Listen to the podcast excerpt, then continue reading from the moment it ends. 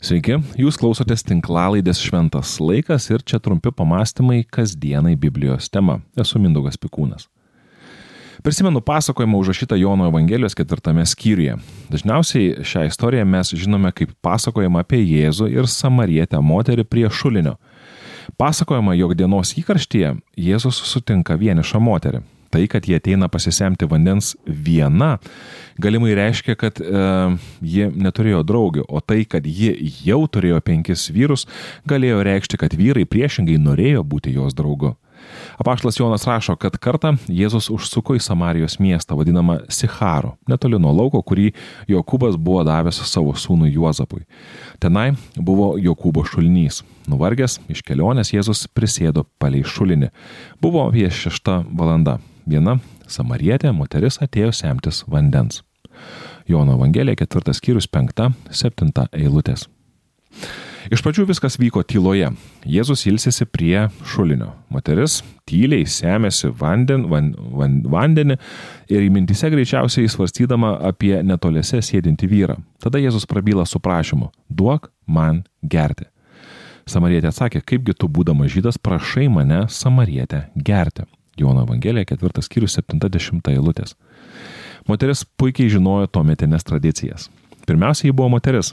Žydų religiniai mokytojai rašė, nekalbėk gatvėje su moterimi, net jei ji yra tavo žmona, ypatingai su savo artimo žmona, kad išvengtum apkalbų. Patarimas gal ir neblogas. Gal.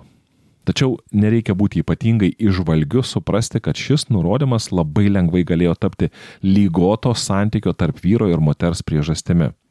Na, o kultūroje, kur, na, pavyzdžiui, moters liūdimas nebūtų priimtas teisme kaip patikimas, galima nujausti, kaip tokie patarimai apibrėžė ne mandagius santykius tarp vyro ir moters, o greičiau vyro išskirtinumą bei pranašumą.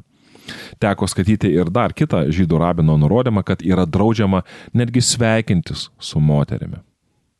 Sumantu, suprantu, kad reikia saugotis atsitiktinių santykių su priešinga lytimi, kurie gali nuvesti į nuodėmę. Tačiau visiškai su moterimi nesikalbėti, arba net drausti sveikintis, to jau kiek per daug, manau. Taigi, moteris samarietė gerai žinojo žydų, vyrų, tuometinių žydų vyrų etiketo taisyklės. Juolab, ji dar buvo ir samarietė. Mes gerai žinome tą susipriešinimą tarp žydų ir samariečių. Šiek tiek istorijos, na, samariečiai buvo žydai, kurie dar Asirijos imperijos valdymo laikais susimaišė su pagonėmis ir taip tapo amžinų papiktinimų tyrumą vertinantiems tikriems žydams. Žydai netgi turėjo posakį, geras samarietis yra miręs samarietis. Jau tiek turėjo pakakti, kad Jėzus nekalbėtų su moterimi arba apsimestų jos nematas ir toliau rūpintųsi savo reikalais, lyg ši likta moteris neegzistuotų. Šie dalykai buvo akivaizdus. Ji buvo moteris ir dar samarietė. Buvo ir dar kai kas, kas būtų tikrai garantavę, jog Jėzui nederėtų su šia moterimi kalbėti. Tai jos gyvenimas lyg muilo operoje.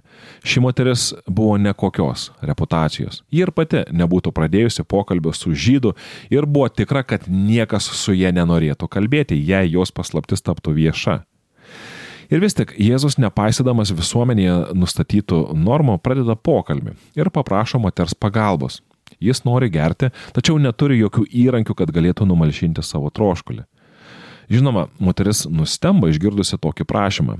Į tai Jėzus atsako, jei tu pažintum Dievo dovaną ir kas yra tas, kuris tave prašo, duok man gerti, rasi pati būtum jį prašusi ir jis tau būtų gyvojo vandens davęs. Jono Evangelija 4 skyrius 10 eilutė. Moteris mato pavargusi žmogų o Jėzus pavargusią moters širdį. Moteris mato Jėzaus išdžiūvusias ir ištroškusias lūpas, o Jėzus jos išdžiūvusi ir ištroškusi gyvenimą. Jėzaus prašymas buvo toks netikėtas, kad moteris greitai pastebėjo jo netitikimą su realiu gyvenimu. Jie atsiliepė, viešpatė, bet juk tu neturi kuo pasemti, o šulinys gilus, iš kur tu imsi gyvojo vandens. Argi tu didesnis už mūsų tėvą Jokūbą, kuris tą šulinį mums paliko ir pats iš jo gėrė ir jo vaikai ir gyvuliai. Jono Evangelija 4 skyrius 11-12 eilutės. Jėzus atrodo kantriai laukia, kol moteris išsikalbės ir baigs jį kamantinėjusi. Tada jisai vėl grįžta prie minties, kurią baigė. Kiekvienas, kas geria šitą vandenį ir vėl trokš, kalbėjo Jėzus, o kas gers vandenį, kurį aš duosiu, tas nebetrokš per amžius ir vanduo, kurį jam duosiu, taps jame versme vandens trykštančio į amžiną į gyvenimą. Jei pirmą kartą galima buvo suklysti, apie ką čia Jėzus kalba, tai dabar jau suklysti galima sakyti, kad nebeįmanoma. Jis kalba metaforomis, kurių nesumaišys. Jis kalba apie vandens versmes, kurios nesibaigia visą amžinybę. Čia pasakojimas galėjo ir švariai baigtis. Moteris patikė Jėzumi ir yra išgelbėta.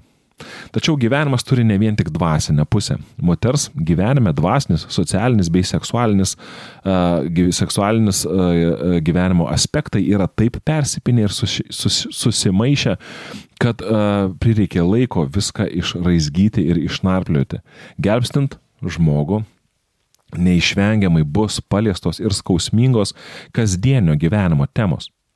Aišku, apie tai aš norėsiu pakalbėti kitoje tinklalaidėje. Šį kartą norėčiau tik tais apsistoti ties šiais Jėzaus žodžiais, kuriais jis sugretina du gyvenimo būdus, siekiant patenkinti tą patį poreikį. Vienas reikalauja daug pastangų ir investicijų, o graža yra pakankamai trumpalaikė ir nedidelė. Kitas gyvenimo būdas pastangos ir investicijos yra pakankamai nedideli, tačiau graža yra neproporcingai ilgalaikė ir didelė. Pamenu, viešėdamas Amerikoje susipažinau su viena šeima, įsivaikinusią du vaikus iš Lietuvos. Jų verslas buvo vandens grėžiniai. Ir jie pakvietė mane pažiūrėti, kaip tai yra daroma. Kadangi aš nieko apie tai nežinojau ir nieko nesupratau, tai didžiąją dienos dalį tiesiog žiūrėjau, kaip jiems sekasi. Ir sekėsi jiems nelabai kaip.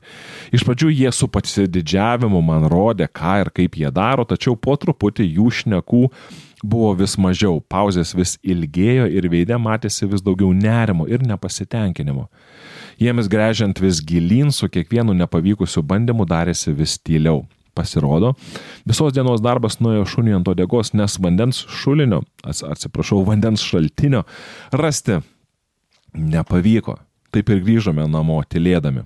Būna ir taip. Būna ir kitaip. Viešėdamas Amerikoje taip pat išgirdau ir visiškai priešingą pasakojimą, kai vienas žmogus irgi pakvietė specialistus, kad šie padarytų jam vandens grežinį. Jie grežėsi vis giliau ir giliau ir nieko. 20, 30, 40, 50 metrų ir jokio vandens. Jau prasidėjo abejonės, ar neverta būtų tiesiog viską baigti, kai pasiekus 60 metrų gilį pasigirdo tolimas dundėjimas, kol netrukus iš grežinio kaip iš kokio geizerio iššovė vandens srovė. Ji buvo tokia galinga, kad teko kviestis pagalbos. Iš apylinkių buvo sukviesti specialistai, kurie nepailsdami darbavosi, kasdami nutekėjimo griovius, bei rūpindamiesi, kad iš grežinio tekantis vanduo neužtvindintų aplinkinių sodybų. Atvažiavę geologai konstatavo, jog grėžinys pataikė į artezinį vandens telkinį, kuriame požeminis vanduo yra hidrauliškai suspaustas tarp vandeniui saliginai nelaidžių sluoksnių. Iš grežinio tekanti srovė buvo labai dosni. Per minutę iš grežinio ištekėdavo apie 6000 litrų vandens. Tokio vandens kiekio būtų pakakę patenkinti 46 tūkstančių žmonių dienos poreikius darbininkai pataikė į artezinį vandens telkinį ir ištryško versmė, kuri niekada neišseks. Jėzus kalbėjo, kas geria šitą vandenį, jis ir vėl trokš, o kas geria vandenį, kurį aš duosiu, tas nebetrokš per amžius ir vanduo, kurį jam duosiu, taps versme vandens trykštančio į amžiną į gyvenimą. Jėzus tai nesibaigiantis šaltinis. Jis yra šaltinis, kurio kuriuo yra maitinama visa aplinkui. Pradėkime savo dienas ir gyvenimą nuo jo ir tegul iš jo trykštantis gyvenimo palaiminimas palaimina viską aplinkui. Primenu, jog ši tinklalaidė yra išlaikoma jūsų laisvanoriško prisidėjimo. Kad šių ir įvairesnių tinklalaidžių būtų sukurta daugiau, kviečiu paremti Šventas laikas veiklą per rėmimo platformą pavadinimu Contribui. Dėkoju tai jau padariusiems.